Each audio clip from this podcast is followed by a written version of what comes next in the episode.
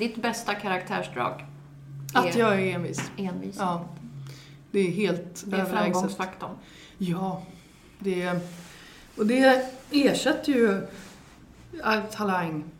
Alltid nästan. Alltså, envishet, det är jag väldigt glad över att det är min superkraft för att det, det går nästan alltid att applicera.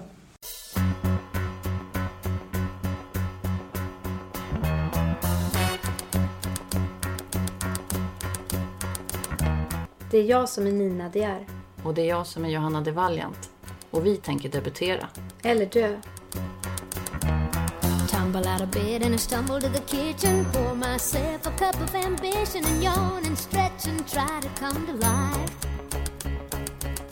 Jump in the shower and the blood starts pumping. Out on the streets, the traffic starts jumping with folks like me on the job from nine to five. Working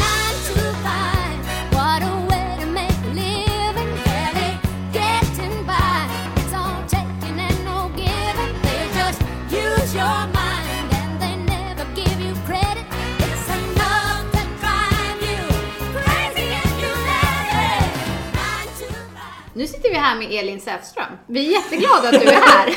Tack så mycket! Jag stalkade ju upp dig på um, en fest. Ja, det var jag kände igen dig. Ja, Jag är lite det- obehaglig så. för Ja. Jag känner igen folk. Tydligen gör du det och det var ju glädjande. Jag känner aldrig igen folk. Nej men det är okej. Det är ingen som känner igen mig. Ta, jag. ta lite tomteskum. Ja, men hur ska jag kunna prata med tomteskum i munnen? köpt det till dagen, Okej. dagens gäst. Ja, ja, okej. Ja, vi sitter i mörker. Om, det, om ni hör några swishande ljud så är det för att vi sitter i täckjackor för att elen har gått. Men det är julstämning. ja. ja, det är julstämning. Det är det verkligen. Glöggen gick inte att värma.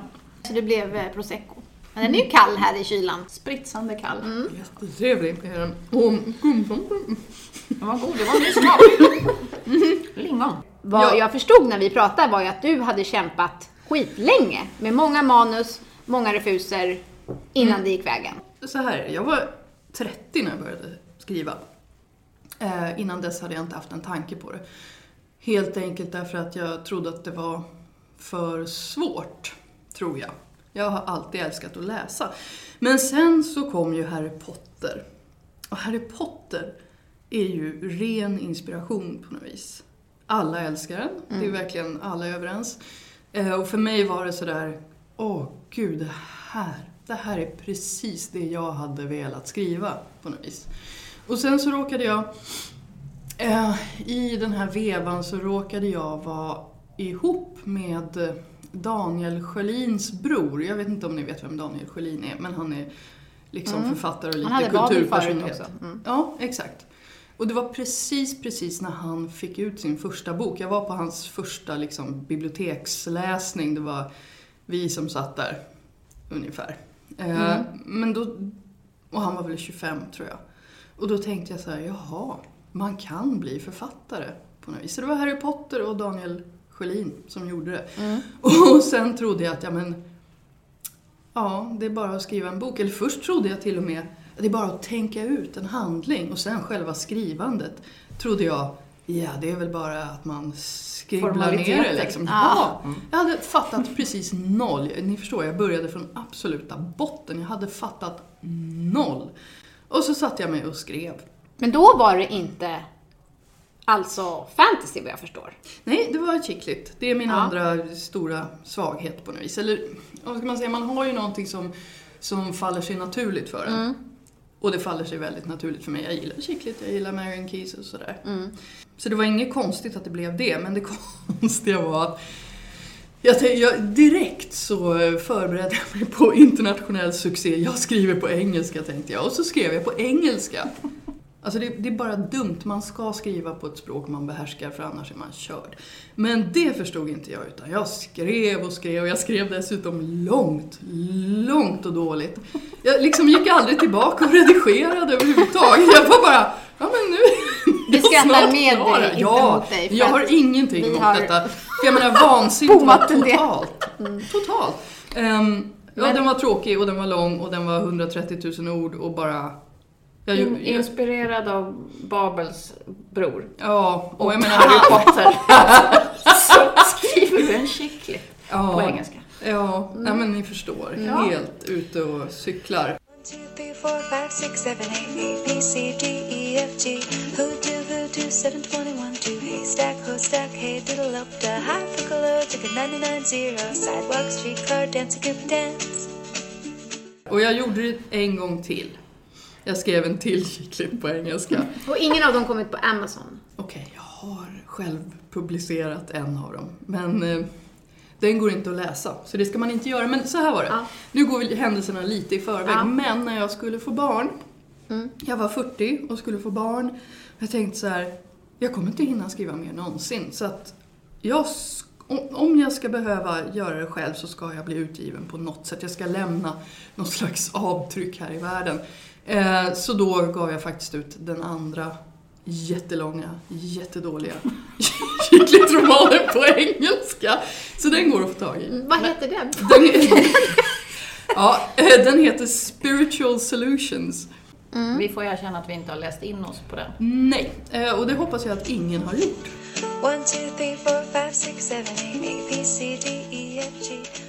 Mitt andra projekt var en lång, lång ungdomsbok. Lång, lång om tomtar och troll.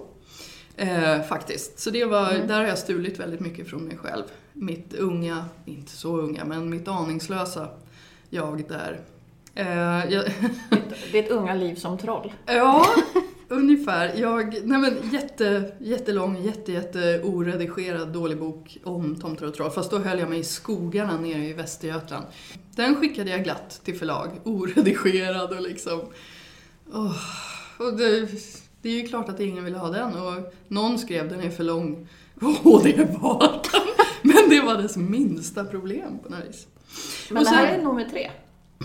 Ja, nu är jag uppe i tre, eller hur?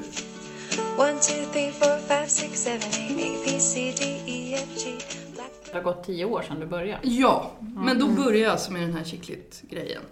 Men den andra chicklit-grejen på engelska skrev jag senare. Och när jag väl pressade ut den på Amazon och sådär så var det ju av desperation, men den var ju inte ny skriven då utan den var, jag hade den i byrålådan. Och så tänkte jag det här måste hända liksom. Tack och lov, jag var på väg att publicera även den här första katastrofen. Men där var det någonting som sa stopp i mig. Nej, tänkte jag. Nej, men det här gör jag inte.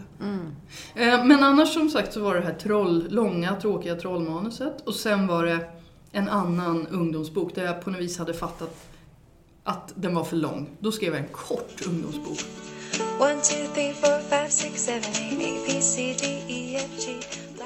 Men boken jag skrev var fantastiskt usel. Och det här, det här var genombrottet för mig. Alltså på riktigt. Det här var det viktigaste jag har gjort. För eh, mitt författarskap. Det låter alltid så högtravande att säga författarskap. Men det var första gången som jag skickade ett manus till en lektör. Åh, jag blev så sågad.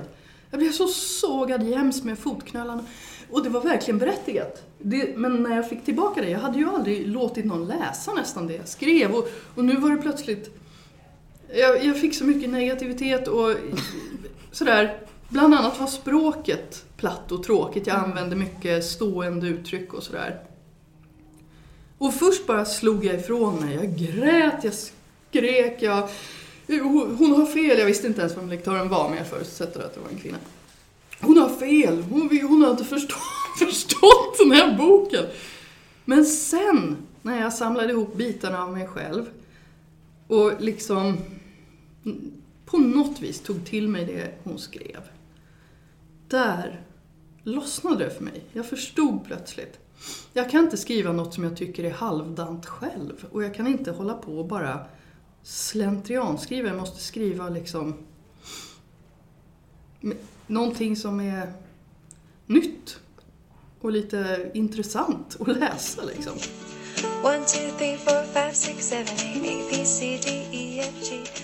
Sen skrev jag en chicklit på svenska den här gången och ganska kort. Och den fick positiv, där fick jag positiva refuseringar för första gången. Positiv kritik, ja jag vet inte. Men jag, jag, när man får ett lektörsutlåtande från förlagen så har man ju kommit ganska långt.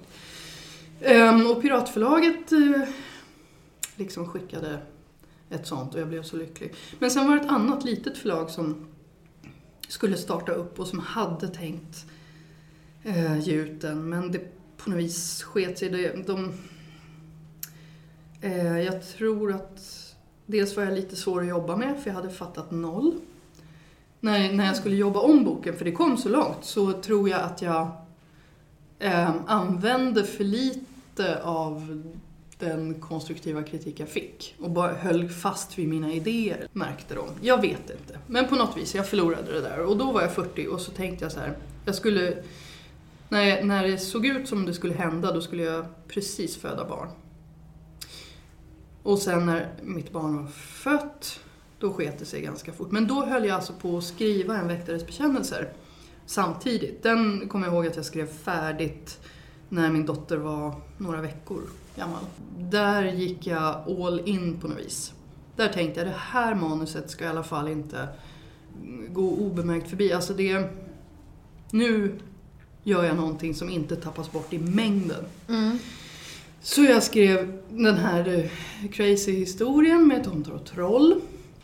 Men det var också, jobbade jag mycket med språket. Inga liksom trötta formuleringar. Jag vände och vred och bråkade med bilder och uttryck och liksom så att det inte skulle bli en i mängden. Mm, och det märks ju verkligen. Alltså, Ja. när man läser den här. Vi båda blev ju förtrollade. Ja, vad roligt. Jag blev ju helt golvad. Jag, Vad roligt! Alltså det är ju helt fantastiskt. Eller Och sen blir- känner jag så här, det blir aldrig pastisch.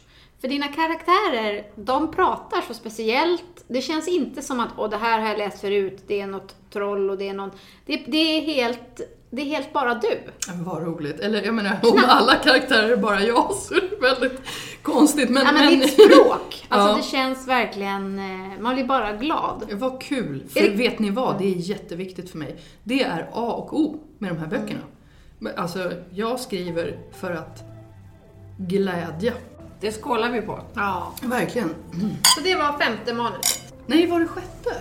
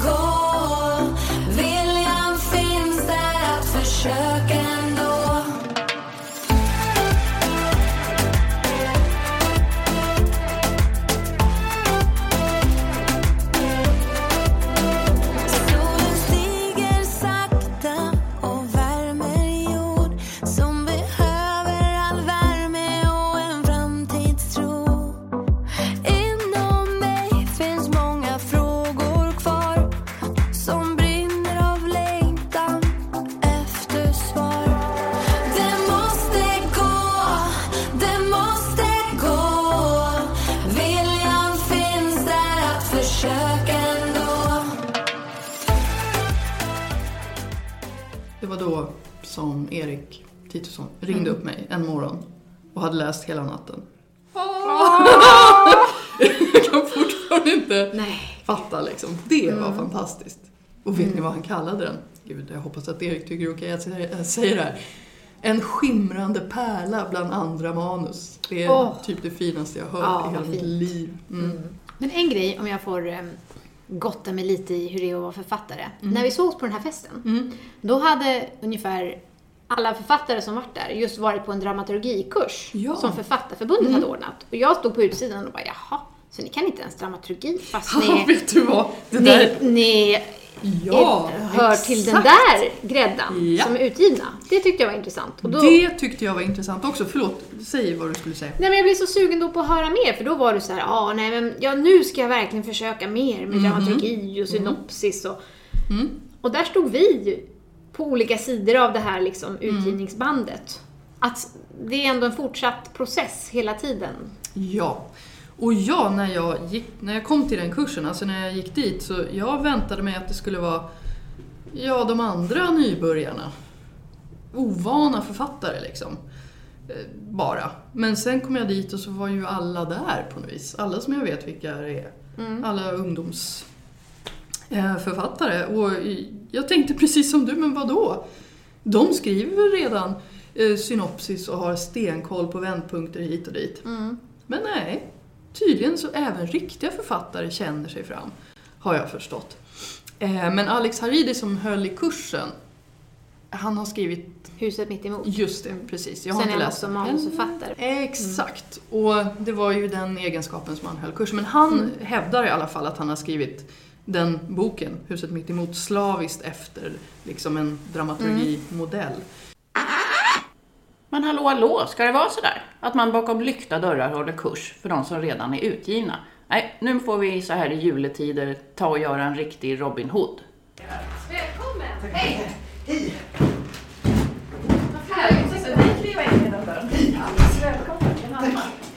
Hej! Det är här ni sitter.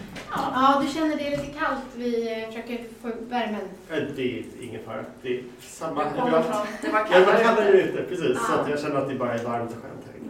Vill du ha lite kaffe? Äh, jättegärna. Men vi är i alla fall jätteglada att du kom Ja. till oss, Alex Haridi. Vi måste ju faktiskt presentera dig. Tack, tack. Vi blev jättesugna på att prata mer med dig efter att jag stod på en fest och fick höra att alla som var där hade varit på kurs med dig på Författarförbundet och var nöjda och nu skulle de, hela deras författarskap ta en ny liksom, väg. De skulle börja jobba mer med synopsis, mer med dramaturgi. Och vi då som eh, gör den här podden Debuterade, vi har ju inte debuterat och vill göra det. Så det blev jätte så här, åh, det bara rev i mig att jag vill veta vad du sa till dem. Uppenbarligen så behöver författare dramaturgi. Och varför då? Vad är det som är viktigt med dramaturgi? Många tror ju att dramaturgi är någon sorts formel för hur man ska skriva. Eh, och jag uppfattar det inte alls så, utan jag tycker att dramaturgi är snarare hur en publik uppfattar en historia.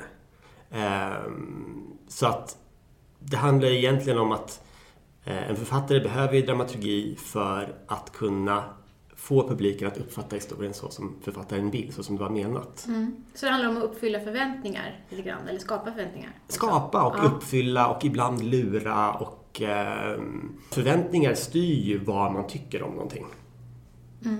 Och dramaturgi är, det är egentligen det. Det är liksom är eh, på något sätt läran om vad en publik förväntar sig av en historia. Eh, sen förväntar sig en publik också att bli överraskad. Eh, så det är ju inte Eh, då de som tycker illa om dramaturgi eller använder dramaturgi som ett skällsord, eh, de tror ju ofta att dramaturgi bara är att hela tiden skriva det förväntade. Eh, Men så är det ju inte alls. Jag tänker att man har det ju väldigt mycket inom sig. Det är bara att gå på en fest. Ja, Det är ju historieberättarna som har eh, kransen av folk runt omkring sig. absolut. Och de har troligen inte de tekniska detaljerna i huvudet utan de drar en historia som är underhållande. Och sen är man bara naturbegåvad. Och det är precis det också som är, ehm, är grejen. Egentligen är det så att alla människor har dramaturgin i sig, inte bara historieberättare. Det är därför, det är det som på något sätt då liksom dramaturgi bygger på, att, att publiken har ju också en förväntan i sig om vad en historia är, vad en historia ska vara, vad en historia ska uppfylla. Ehm, så att det är så att alla kan dramaturgi och det är på något sätt därför som ehm, man måste kunna som författare veta hur man jobbar med det. Eh, om man börjar skriva ett manus och så vill man att det ska bli grymt bra. Och man vill ju helst att det ska bli antaget hos ett förlag och att det ska bli fantastiskt mottaget. Ska man då tänka mycket, mycket mer på dramaturgin innan man börjar? Eller finns det de som då kan fixa det här efteråt?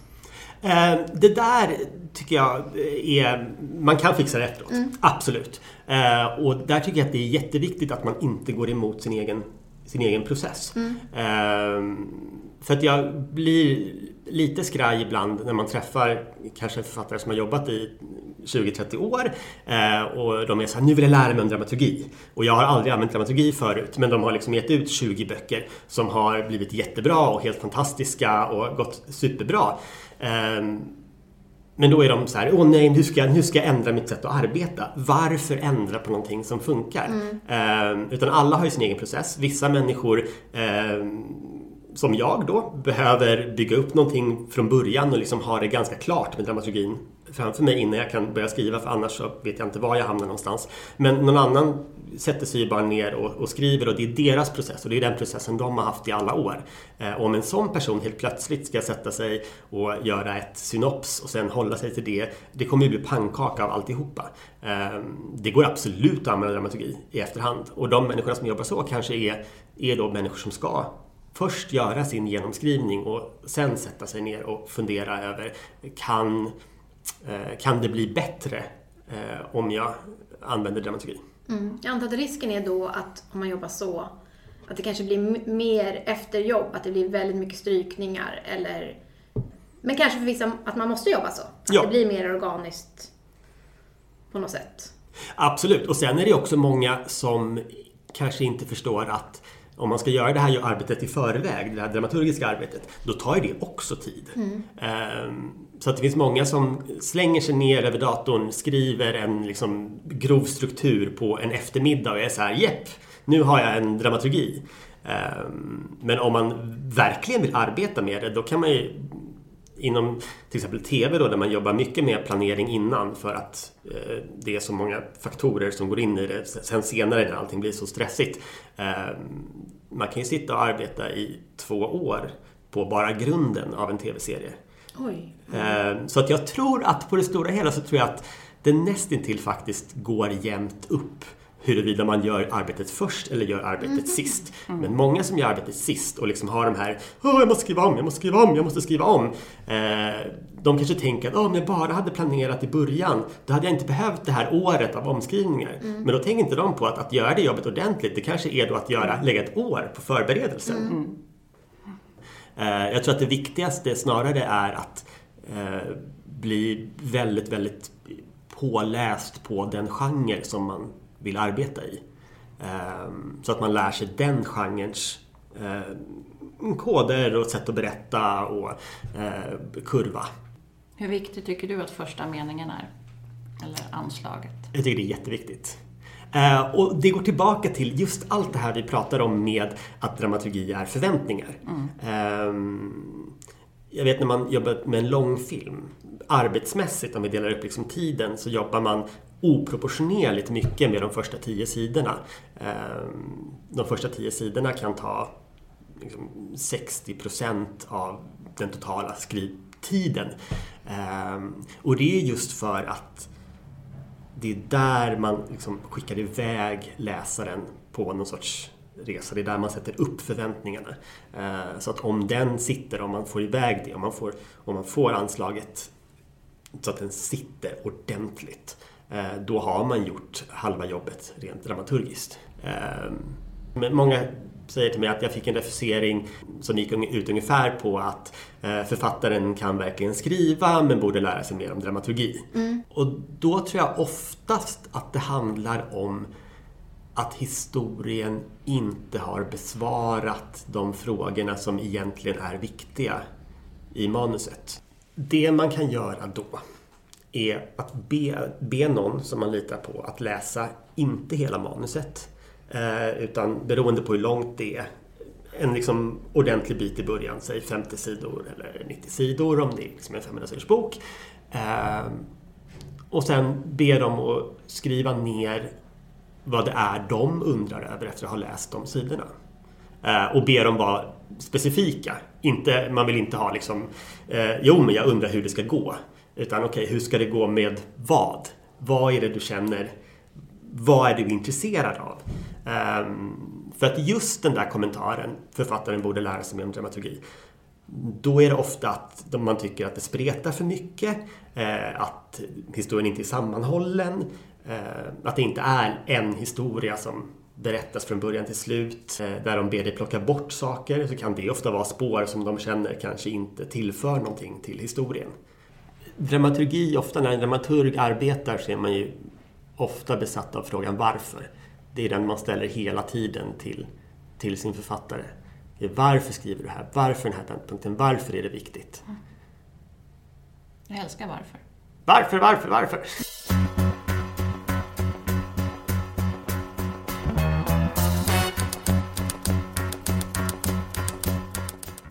Väldigt, väldigt etablerade författare vet ofta extremt långt in i liksom, skrivprocessen inte vad det egentligen handlar om. Mm. Nej, det är det svåraste av allt. Vet du vad det handlar om när du skriver? Ehm, jag vet vad jag har för avsikt att det ska handla om.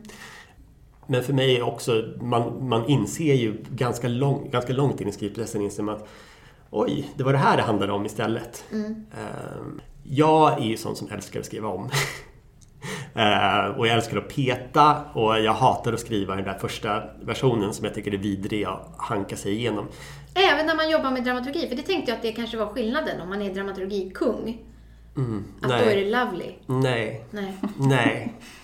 Ehm, men jag skulle, alltså min dröm är egentligen bara att sitta och peta i all evighet i den där sista slutkorret.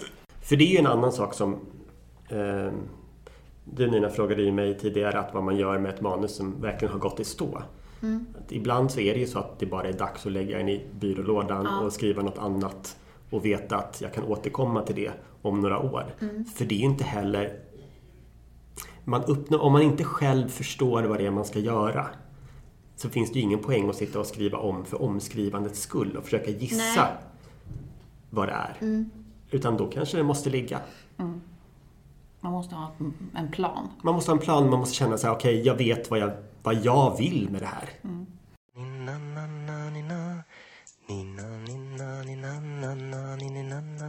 Nina. Dagens boktips. Jag har ju sett din hylla på någon bild. Ja. Din dramaturgi-litteratur. Mm. var ju imponerande. Ja, men det tog några år att samla ihop den. Men det är ganska mycket där. Gillar du The Bestseller Code?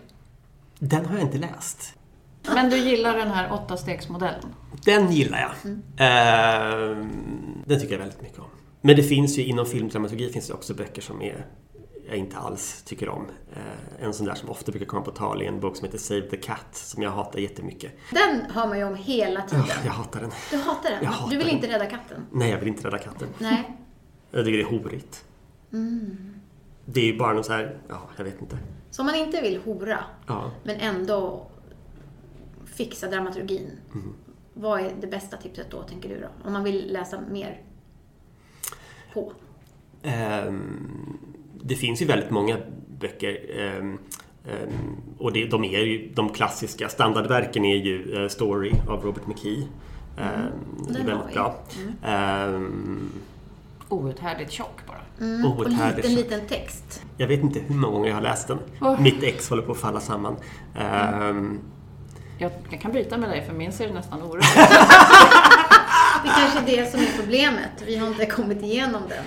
Sen finns det en bok som jag är väldigt förtjust i. Eh, dramaturgen heter Linda Aronson. Jättebra bok. Eh, hon har gett ut samma bok med flera namn, så köp den bara en gång. Bra tips.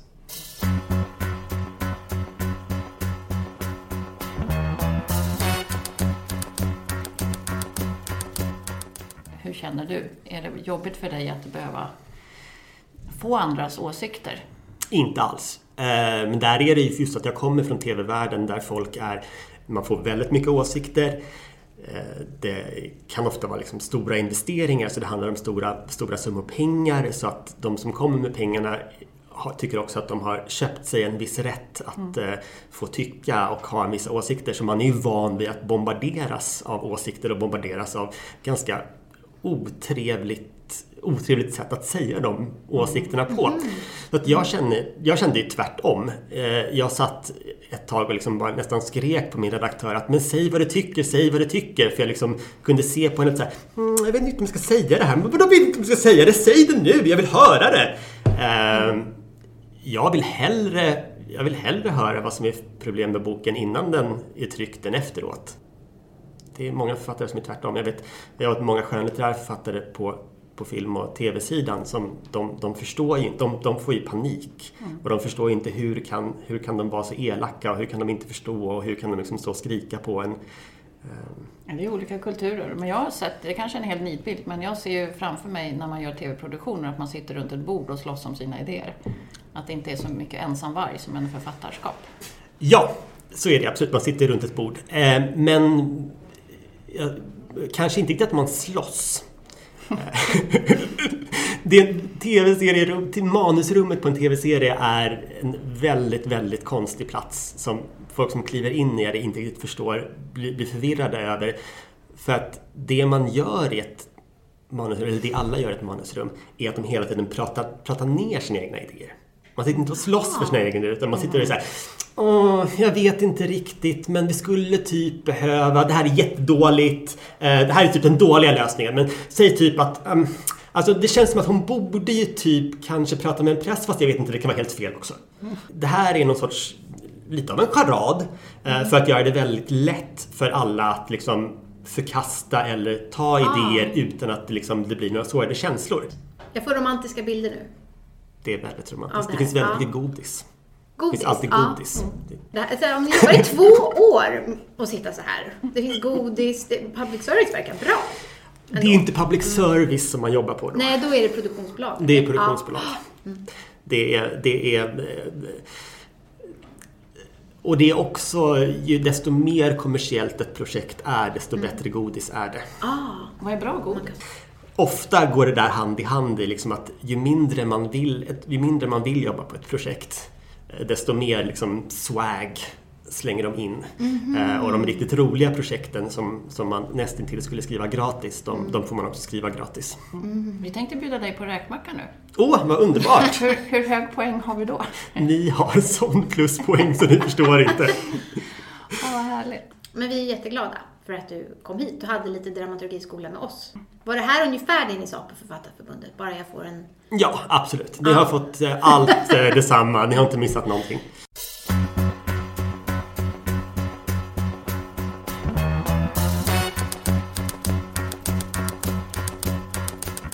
Jag menar att jag skrev så hopplöst från början, det...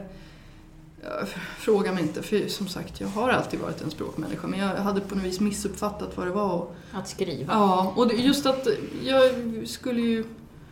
Jag kunde ju identifiera en dålig bok och en bra bok innan, men jag var liksom helt blind för mina egna texter som var uppenbart, skriande uppenbart urusla. Men det är svårt att se sin egen text. Men så är det ju för alla. Alltså någonstans börjar man. Ja, och jag, jag är ett extremexempel skulle jag vilja påstå. Jag tror att det är få som är så fruktansvärt dåliga från början som jag var. Fast det du Ja, verkligen det- har jobbat dig fram till är att få det att verka så enkelt. Tildas röst är inget svår att ta på sig för mig.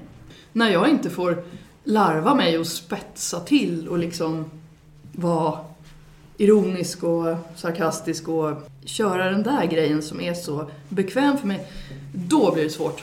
Ju vansinnigare desto bättre. Åker du inlines?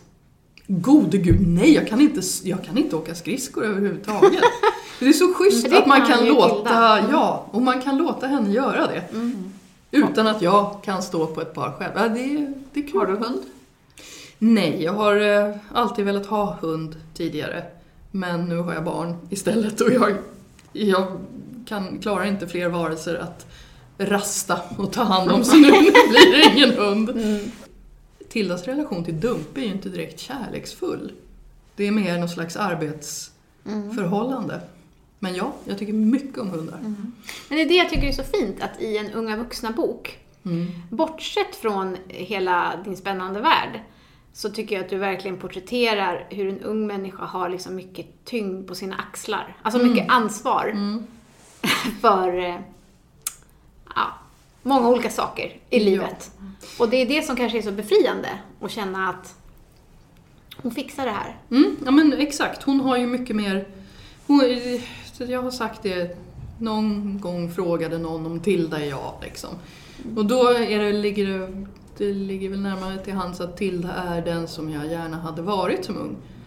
Alltså för hon hade väl gärna varit bättre på alla sätt och vis men hon, hon slår inte hela tiden på sig själv och hon fixar saker. Hon liksom rullar upp ärmarna och kör. Ehm, hon är mycket mer rejäl än jag var och jag hade velat vara lite mer rejäl. Jag var mer en vända kappan efter vinden människa utan att för den skulle lyckas smälta in på något sätt. Ehm, det hade jag nog gärna gjort. Inte på något sätt. Jag var hopplös. Alltså socialt hopplös. Eh, Men det är klart, jag hade velat vara populär och snygg och allting. Men det var jag inte. Mm. Men Tilda är ju inte det heller och, med, och det känner hon ju. Men samtidigt så tycker jag inte att det tynger henne på fel sätt. Hon har ändå självkänsla. Ehm, upplever jag. Och det här med just...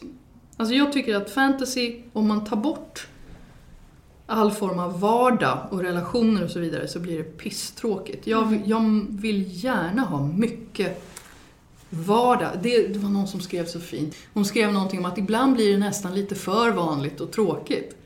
Det tycker jag är helt fantastiskt. Här skriver jag en bok om tomtar och troll och hon tycker att det blir lite liksom väl mycket vardagsrealism. Det blev jag jätteglad av, av någon anledning. Alltså, kul. För att jag vill ha mycket vardag. Om man inte har liksom clashen däremellan, eh, kontrasten, så tycker jag att det lätt blir väldigt trist.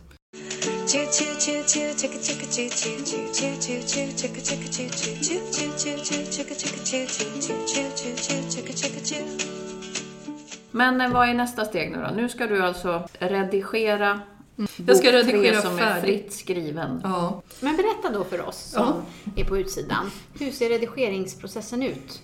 Mm, Det här det, tredje manuset liksom, som Ja. ska in i... Nu har du lärt dig så mycket saker, tänker jag. Mm. Nej men till exempel så tyckte min redaktör Ada, ja men det här är jättebra, men det måste bli mer spännande tidigare. Och då så får man ju tänka på det nästa gång. För det var väldigt svårt att pressa in det i efterhand kan jag berätta. Jag tror inte någon som läser boken eh, känner det. Den, alltså den har fått fantastiska recensioner. Mm. Gud vad vi har stött och blött det här manuset och vad hopplöst det kändes eh, under en lång period. Men det var just vi försökte pressa in någonting som verkligen inte fanns. I efterhand med skohorn liksom och slägga. Eh, Så det försöker jag ha i åtanke, att, att jag inte ska behöva göra det i alla fall. Jag har varit lite dålig på det här med faktiskt ofta vad läsaren förväntar sig. Om, om man har fått en läsare att misstänka en viss sak genom en hel bok. Jag lägger ut rökridåer överallt. Och det, är, det är nästan omöjligt att adressera alltihop. Men man, man måste ju försöka få alla att verka lite skumma. Jag tänker nu att jag närmar mig den här stämningen där man bestämmer sig för att ta spaden och skotta sig upp igen Ja. och jobba om.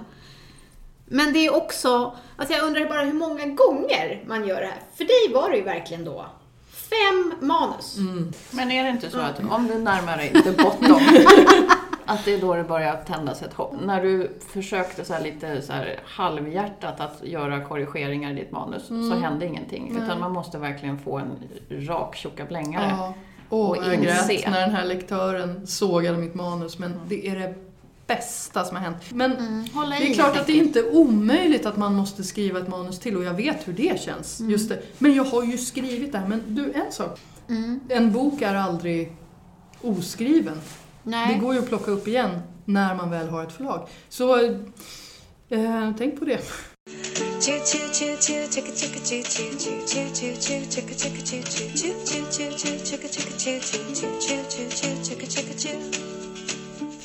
Entreprenörer och så vidare som lyckas, de som lyckas, de lyckas i snitt på femte försöket. Folk brukar misslyckas. Det är, man ska inte vara så himla rädd för att misslyckas som man är.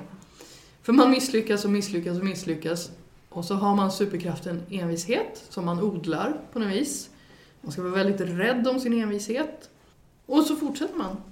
Och så till slut så funkar det. Men frågan är inte om man faller utan frågan är hur högt man studsar när man har Mm. fallit. Ja. Nej men alltså det, det kommer att ordna sig. Mm. Om ni inte ger er. Det kommer att ordna sig. Jag tycker det är jättefina avslutningsord. Ja, ja. Man måste bara skotta sig upp, upp på benen. Mm. Jag oroar mig inte det minsta. Det kommer gå bra. Elin, tack Ja, tack. snälla. Skål igen. Ja, Grattis Ja, till din som vanligt. envis. Grattis, Grattis. till din envisa Ja. framgång. Ja. Tack. Du är våran role model. Choo.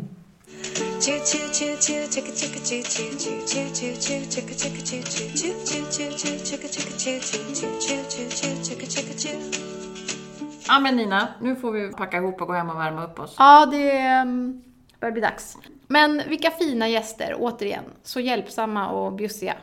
Underbart. Och nästa gång så får ni Helena Dahlgren i julklapp av oss. Mm, hon är ju en före detta bokhora som är aktuell med Orkidépojken nu. Ja, henne får vi se vad vi kan lära oss av. Hon är ju mångsidig. Mm. Ha en fin advent allihop. Skriv som om det gällde livet. Vi hörs igen. Upon a star makes no difference who you are anything your heart desires will come to you if your heart is in your dream. Request is too extreme. When you wish upon a star, as dreamers do, fate is kind. She brings to those who love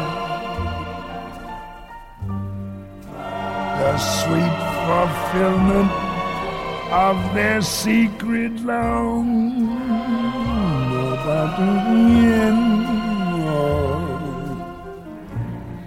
like a boat out of the blue.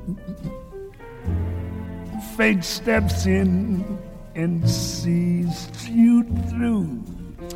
Mama, when you wished upon the star, your dreams come true.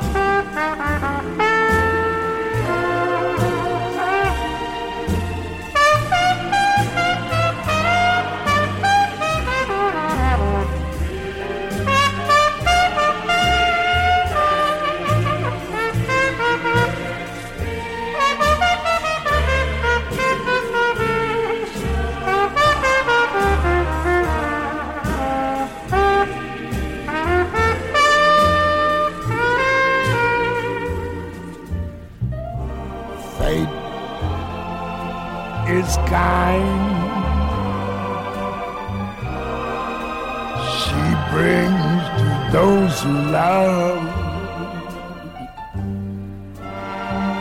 the sweet fulfillment of their secret longing. Yes, like a boat out of the blue. Fate steps in sees you through, baby. When you wish upon a star, your dreams come true.